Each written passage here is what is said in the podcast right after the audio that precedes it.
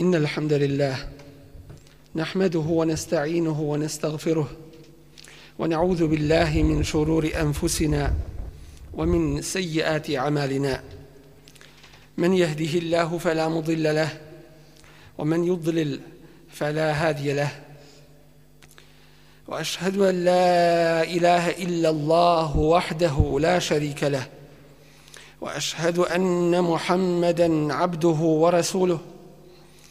أرسله الله بالحق بشيرا ونذيرا بين يدي الساعة.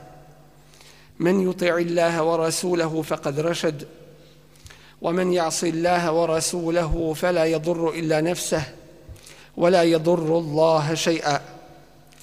أما بعد فإن أصدق الحديث كتاب الله وخير الهدي هدي محمد صلى الله عليه وسلم وشر الأمور محدثاتها. وكل محدثة بدعة وكل بدعة ضلالة ثم أما بعد. بوشتواني جماعة وحديث كيك بيجي إمام أبو داود إمام الطبراني وكبير زكوك ابن حجر وتلخيص كاجة داي صحيح. وثابت ابن الضحاك رضي الله عنه سبرنسي داي ركو نذر رجل أن ينحر إبلا ببوانة. Zarekao se jedan čovjek da će prinijeti kao žrtvu deve u mjestu koje se zove Buvane. Fesele nebije sallallahu alaihi wa sallam pa je pitao Allahovog poslanika sallallahu alaihi wa sallam fekal pa mu on reče Hel kane fiha wasanun min eusani il džahilijeti ju'bed? Je li na tom mjestu bio idol od idola džahilijeta, neznaboštva, koji se obožavao? Kalu la, prisutni rekoše, nije. Kale, hel kane fiha idun min a'jadihim? Pa onda reče Allah poslanik, alaihissalatu wasalam, a je li na tome mjestu bio praznik iz džahilijeta, njihov džahilijetski kada praznik, kalu la, rekoše prisutni nije. Fa kala Rasulullah sallallahu alaihi wa sallam, pa reče Allahu poslanik sallallahu alaihi wa sallam, eufi bi nezrik, ispuni svoj zavjet, fa innehu la wafa'a li nezrin fi ma'asijetillah, jer nema zavjeta ili ne ispunjava se zavjet koji je u nepokornosti Allahu وَلَا فِي مَا لَا يَمْلِكُ بْنُ Adam niti onaj kojim Ademov potomak ili čovjek ne vlada. U drugom rivajtu imama Ebu Davuda se spominje da je neka žena došla Allahovom poslaniku sallallahu alaihi ve sellem i rekla mu inni nedertu en ezbaha bi mekani keza wa keza. Ja sam se zarekla da ću prinijeti žrtvu na tom i tom mjestu. Mekan kane jezbahu fihi ehlu džahilije. A to mjesto je bilo mjesto na kojem su u džahilijetu klali i prinosili žrtve.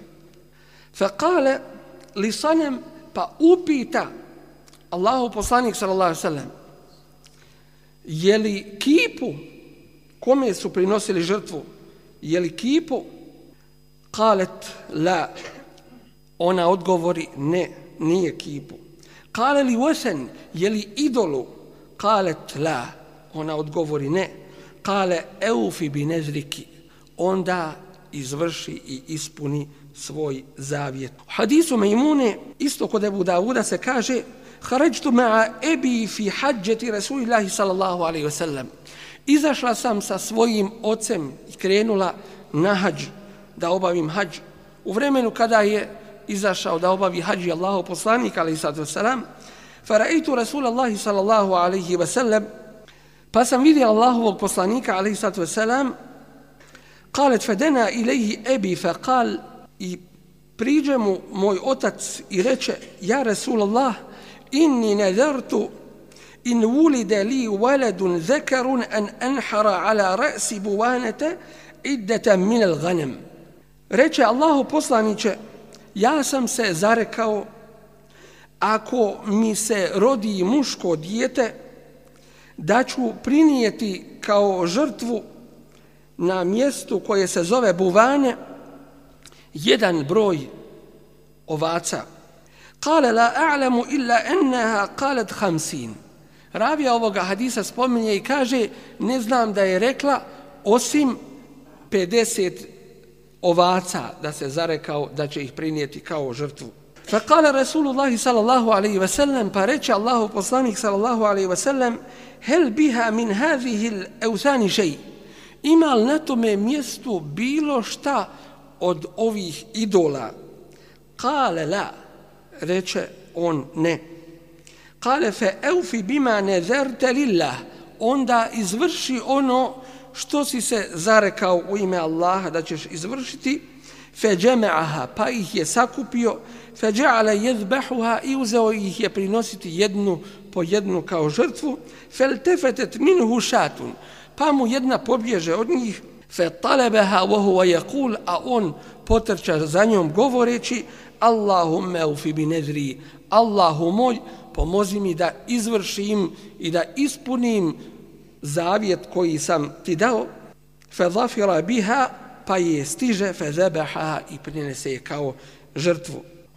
Ovi hadisi nam ukazuju na mogućnost da se radilo o jednoj te istoj osobi koja se zarekla i zavjetovala da će prinijeti kao žrtvu Allahu te bareke ve taala deve i ovce ili se radi o dva različita događaja u jednom su se jedni obavezali da će prinijeti kao žrtvu deve a u drugom da će prinijeti kao žrtvu ovce. Mjesto koje se spominje to je mjesto Buane ni po čemu posebno poznato kao da bi čovjek rekao u današnjem vremenu u tom i tome mjestu hoću da zakoljem kurbana. Dakle, ni po čemu posebno nije ovo mjesto bilo poznato. Šta znači ubiti nezr? Zavjetovati se u ime Allaha te bareke ve taala i zareći se da će čovjek nešto učiniti. Nezr u arapskom jeziku u osnovi znači obavezati se i zavjetovati se. A u terminologiji među islamskim učenjacima koristi se u značenju da onaj koji je zadužen, dakle mukellef, punoljetna, pametna osoba, musliman, kada se zavjetuje, to jeste sebe obaveže u ime Allaha da će učiniti nešto što u osnovi nije obaveza da se učini. Ali on je tim svojim zavjetom sebe obavezao i zadužio da će izvršiti dotičnu radnju. U osnovi zavjet je pokuđen.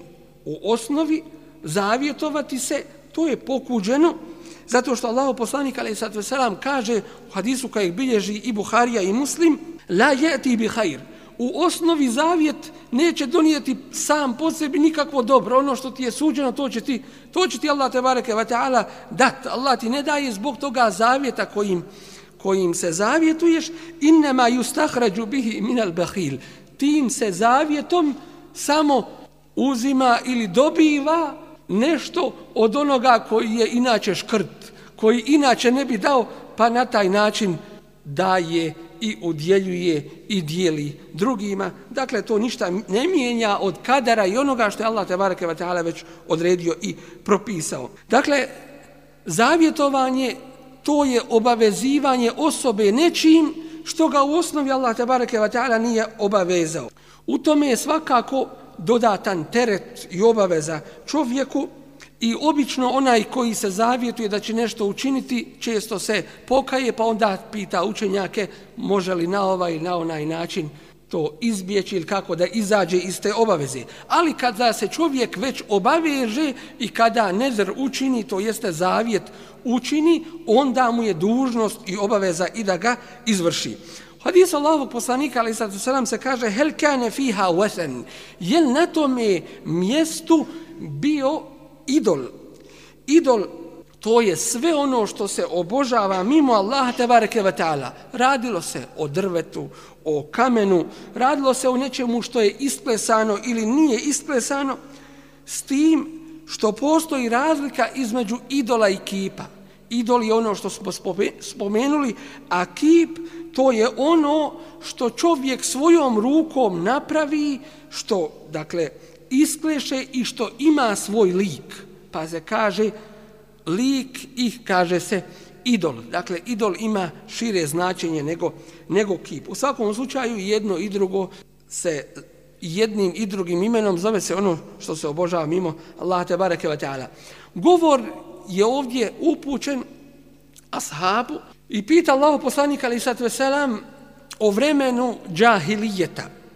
Džahilijet to je ono na čemu su ljudi bili prije poslanstva Allahovog poslanika sallallahu alejhi ve sellem a nazvan je tim imenom upravo zbog toga što su ljudi bili u velikom džehlu, u velikom neznanju osnova, dakle, kod ljudi je bilo neznanje vjere, a oni koji su poznavali nešto od vjere bili su rijetki, veoma rijetki izuzeci.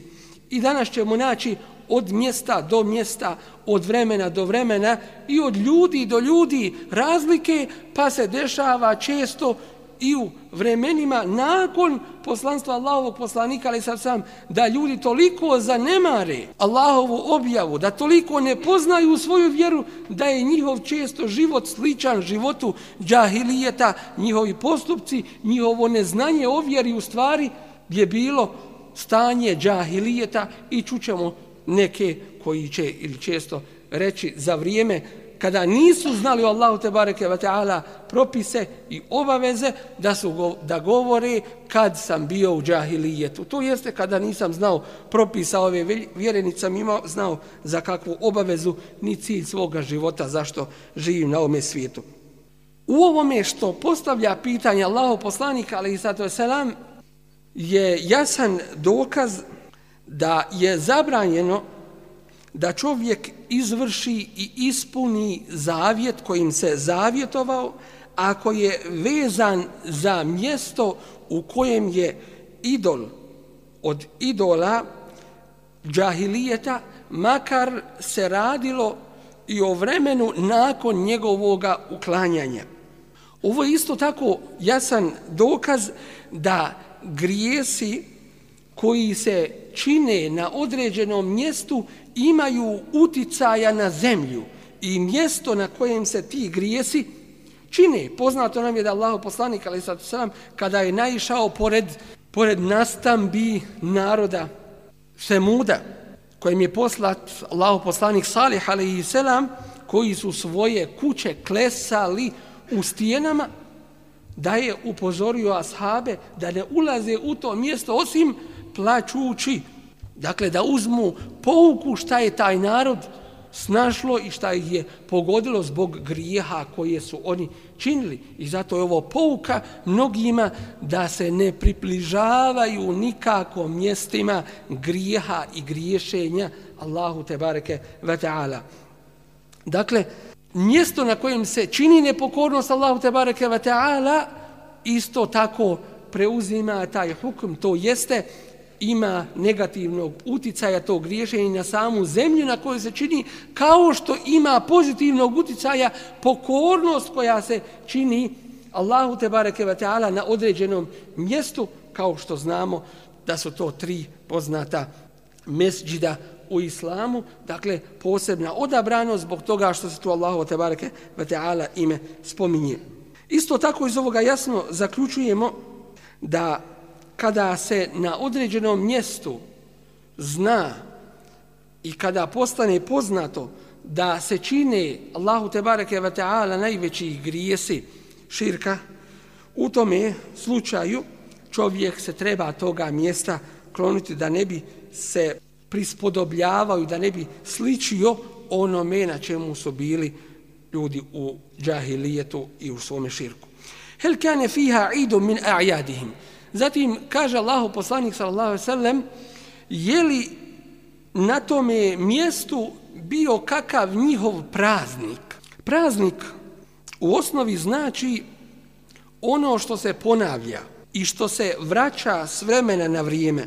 To jeste, da li je na tome mjestu bio neki džahilijetski praznik, Da li su na to mjesto dolazili i na njemu se okupljali i na njemu praznikovali i uzimali to mjesto i vrijeme za svoje praznikovanje, makar na tome mjestu i ne bio idol. Dakle, ovo je sada šire značenje. Da li je to mjesto bilo mjesto na kojem se okupljaju u džahilijetu i rade određene radnje. Pa rekoše ashabi la, iako je postavljeno pitanje bilo dotičnom ashabu koji je pitao za svoj slučaj, prisutni koji se našli tu, odgovorili su što znači da su bili zainteresovani da saznaju propise svoje vjere. U ovom slučaju vidimo da Allah poslanik ali sad sram pita o dvome. Prvo, pita o širku. To jeste da li je bilo tu širka, da li je bilo idola i kipova koji se obožavaju i koji ima i koji će biti do kijametskog dana. I drugo, da li je na tome mjestu bio neki od načina i uzroka koji mogu dovesti do širka, a to je praznikovanje, držanje do toga mjesta, veličanja toga mjesta i određenih radnji koje se rade na tome mjestu. Pošto je ovo pitanje praznikovanja često prošireno među ljudima, nakratko samo da se objasni šta sve obuhvata praznik. Praznik u biti je ono što se ponavlja, a može biti vezano za vrijeme. Kao što kaže Allah poslanik sallallahu alaihi ve sellem za petak, za dan džume, inna hada jevmun ja'alehu Allahu lil muslimine iden. Ovo je dan koji je Allah učinio muslimanima praznikom. To je petak. Dakle, odabranim vremenom koje se ponavlja i u kome postoje poseban ibadet, a to je džuma namaz. Za praznik se isto tako kaže u pogledu mjesta, kao što kaže Resulullah s.a.v. La te tehidu kabri iden. Nemojte uzimati moj kabur za praznik. Govor je o mjestu određenom. To jeste, nemojte masu određivati vrijeme kada ćete doći u posjetu. Nemojte određivati pro, propise koji nisu propisani da se rade kod moga kabura i tako dalje. Nemojte uzimati moj kabur za praznik. Isto tako, praznik označava i sakupljanje na nekom mjestu i određene radnje koje se rade. Kao što kaže Abdullah ibn Abbas, radijallahu numa, šehitu l'ida ma'a Resulillahi sallallahu sallam. Prisustvovao sam prazniku sa poslanikom sallallahu alaihi ve sellem, to jeste bio sam na tome skupu i prisustvovao sam tim radnjama koje se čini. A isto tako četvrto značenje praznika jeste da je to dan i rad koji se u njemu čini i to je u većini slučajeva značenje praznika, kao što kaže Allah poslanik, ali sad sam, fe inne li kulli qavmin ida, svaki narod ima svoj praznik, dakle mi kao muslimani imamo dva velika praznika, Ramazanski i Kurban Bajram, koji je Allah tebareke wa ta'ala odredio i propisao i mi ih od sebe nismo izmislili. I odredio nam je šta u njima treba da činimo. U, ovo na, u ovome nam je pouka i upozorenje da se ni pošto i nikada ne prispodobljavamo, da ne oponašamo one koji čine širk, da ne učestvujemo u takvim njihovim praznicima, makar mi nemali u tome svome učešću, namjeru onoga zbog čega su se oni sakupili i sastali. A ako se ima namjera, to sastajanje zbog onoga zbog čega se i oni sastali, onda je grijeh još veći i još žešći. Dakle, ne smije se oponašati ono na čemu se nalaze oni koji su u džahilijetu i oni koji čine širka Allahu te bareke ve taala. I mnogima vidjet ćemo da koriste opravdanje. Kad im se kaže to ne smiješ raditi odgovaraju ja nemam to namjeru.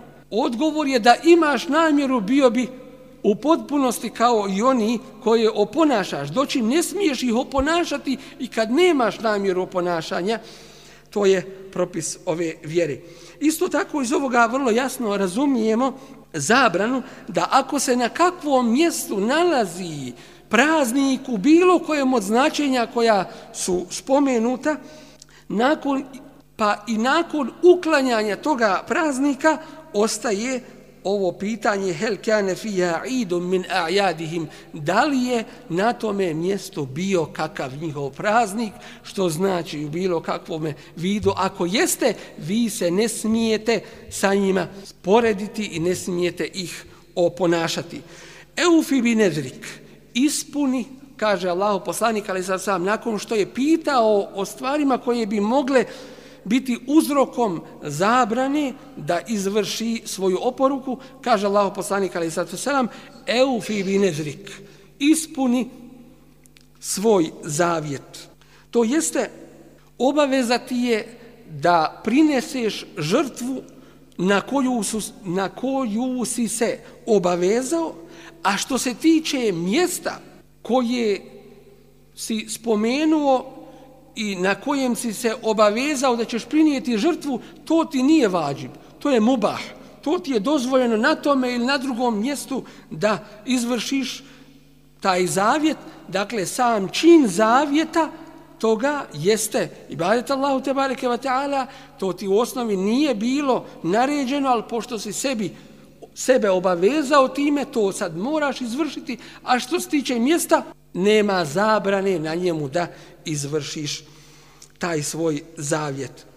Ono što se tiče samoga mjesta, ovaj čovjek je spomenuo ovo mjesto koje se zove Buane, spomenuo je da će na njemu zaklati kurbana, da će prinijeti žrtvu Allahu te bareke ve taala, mjesto koje ni po čemu nije posebno značajno niti odabrano. Doćim, ako bi čovjek odredio neko mjesto da na njemu prinese žrtvu ili posebno na njemu da klanja iz ubjeđenja da je to mjesto odabranije od drugoga, bolje od drugoga mjesta i veći sevab na njemu nego na drugom mjestu, u tome slučaju to je velika jedna novotarija, dakle neispravnost, jer zato nema dokaza. Allah poslanik, ali sad sam zato kaže, za džamije, la tu šeddu rehalu illa ila salaseti sađid ne ide se masu uz naput, osim kada se hoće posjetiti tri džamije u Mekki, Medini i u Kudusu. Dakle, sve druge džamije su vrijedne i odabrane po Allahovom odabiru, a posebno odabrane su samo ove tri, tako da niko nema pravo posebno da drži odabranim druge mesđide mimo spomenuti, niti druga mjesta mimo, mimo spomenuti. I zato vidimo da je ovdje odgovor onima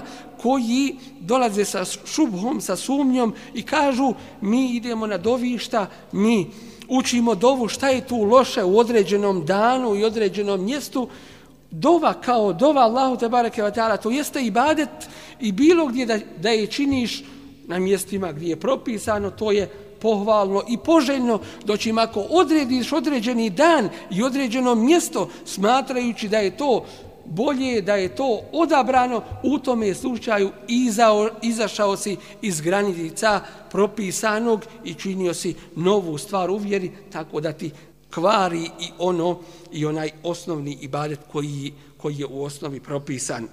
Fa innehu la wafa'a li nazrin fi ma'siyati Nema ispunjenja zavjeta u onome što je nepokornost uzvišenom Allahu.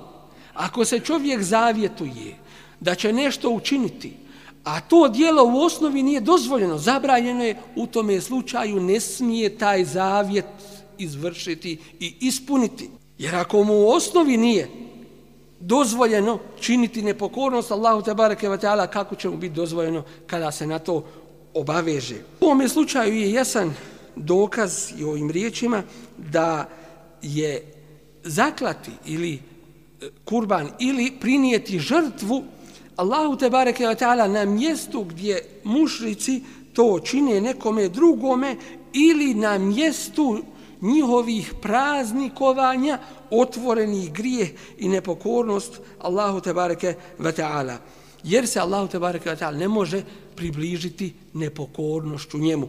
Postavlja se ovdje pitanje, ako se čovjek obaveže na nešto što ne smije izvršiti, a obavezao se, kako da se te obaveze riješi, kako da se toga oslobodi, kako da izađe iz te obaveze. Da li je potrebno, da li je nužno kefaret da učini? Islamski učenjaci su rekli da je dužnost i obaveza da se učini kefaret za, za takvu vrstu zavjeta.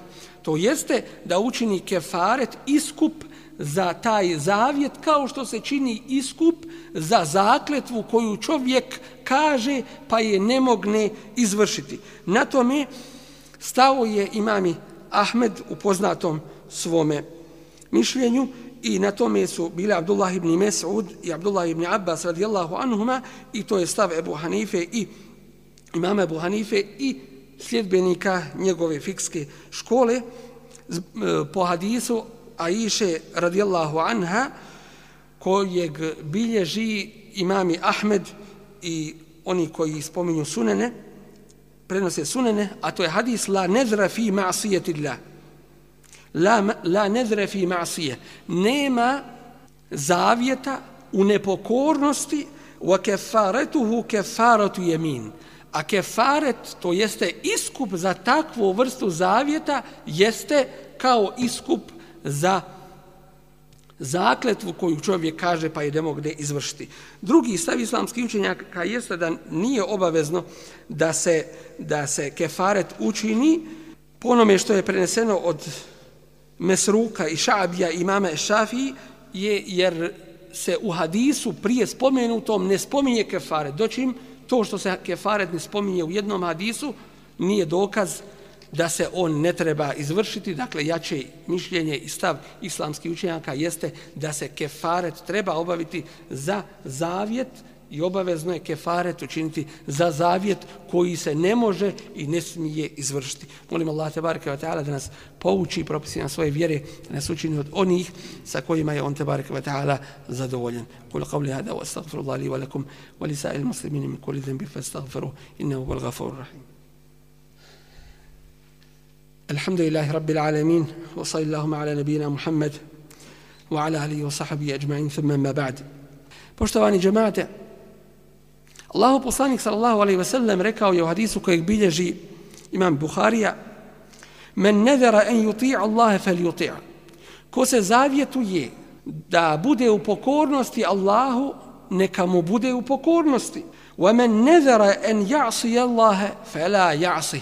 A onaj ko se zavjetuje da učini neku nepokornost Allahu, neka to nikako ne čini, makar se na to i zavjetovao. Iz prije spomenutog hadisa možemo mnoge pouke i zaključke uzeti. Između ostalog, jeste da nema smetnje da čovjek u svome zavjetu kaže i odredi da će u nekom mjestu izvršiti određeni ibadet, ako u određivanju toga mjesta nema određene zabrane. Radilo se o zabrani koja je realna, koja je prisutna među ljudima, kao da učini zavjet da prinese žrtvu Allahu te bareke ve taala na mjestu gdje se prinosi žrtva kipovima i idolima ili na mjestu gdje se praznikuje kako to čine mušrici u džahilijetu. U tome slučaju ima smetnja i ne smije se odrediti to mjesto da se na njemu taj ibadet čini. I drugo, nema smetnje da se odredi neko mjesto na kojem će se zavjet izvršiti ako nema u pretpostavci neke zabrane.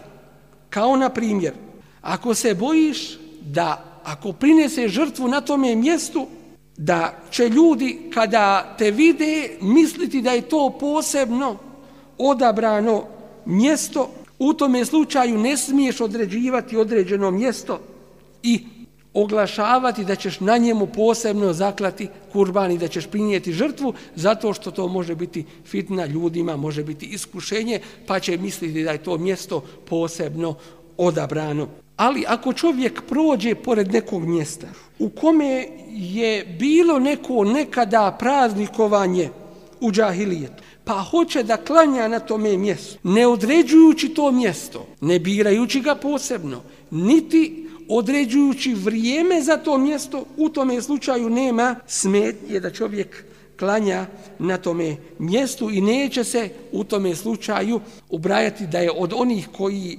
sliče dijelu iz džahilijeta, samim tim što namaz se u biti razlikuje od ibadeta koji čine mušici. Mušici nemaju ovoga namaza. I namaz je karakterističan za koga? Samo za muslimane. Drugi nemaju, drugi nemaju namaza. Doći im zaklati da je mjesto gdje se prinosi žrtva drugima, to se ne može. Zašto? Jer je čin isti. Jer je čin jednak i oni, i oni prinose žrtve i mi prinosimo žrtvu. Doći im namaz se razlikuje u suštini načina obavljanja, tako da je to razlika između ta dva postupka. Iz ovoga hadisa se isto tako razumije da zabrana prinošenja žrtve Allahu te bareke ve taala na mjestu gdje se prinosi žrtva nekome drugome ima više mudrosti.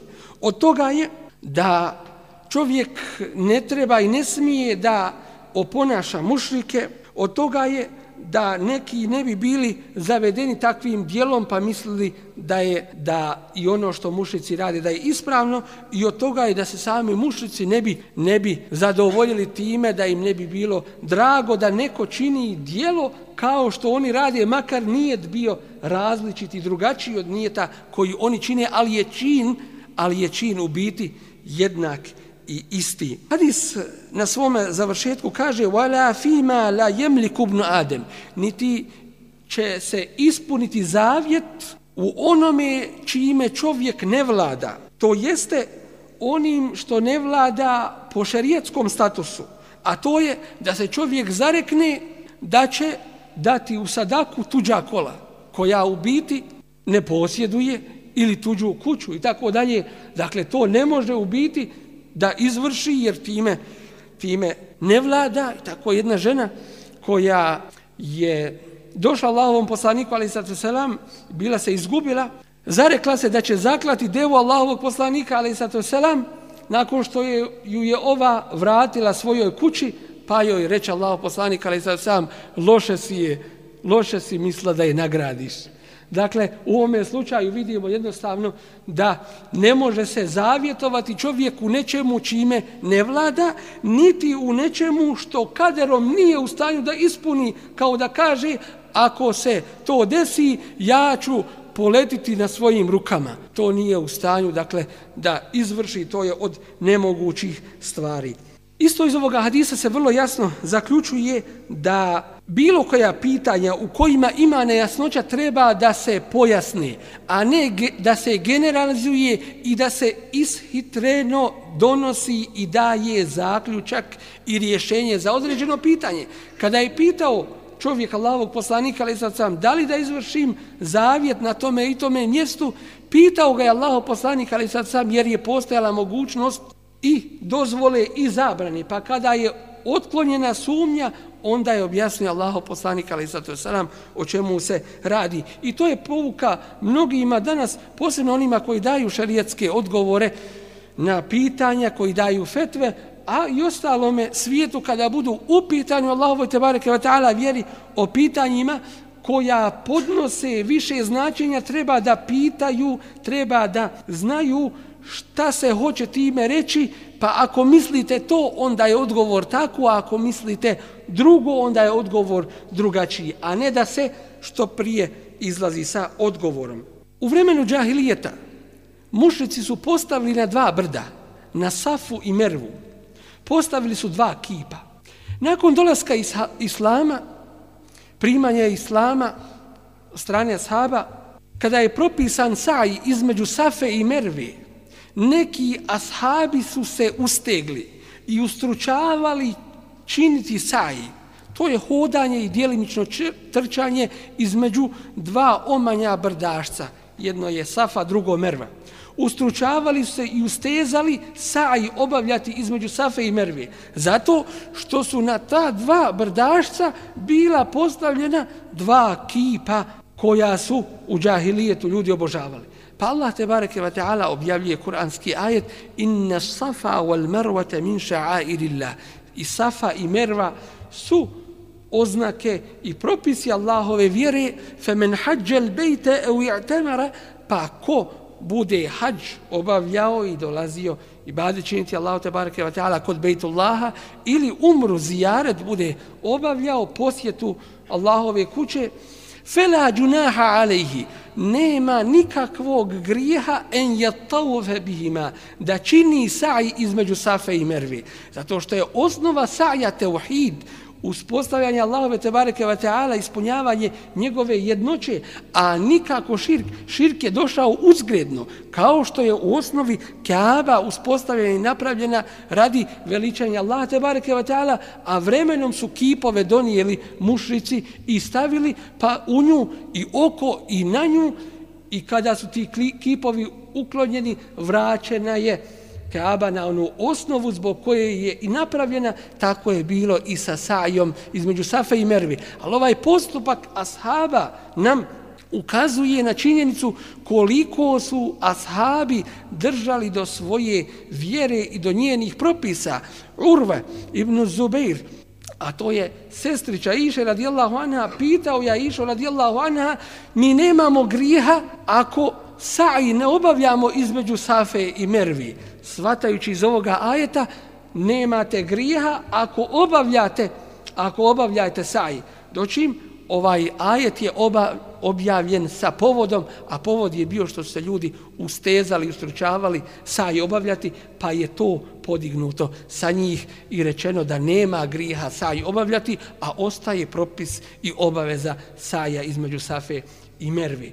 Molim Allah te barek da nas učine od onih koji shvataju propise njegove vjere, koji se drže njegovih zakona, od onih koji veličaju njegovo uzvišeno ime. Molim Allah te barek ve taala da nas učini doni sa kojima je on zadovoljan.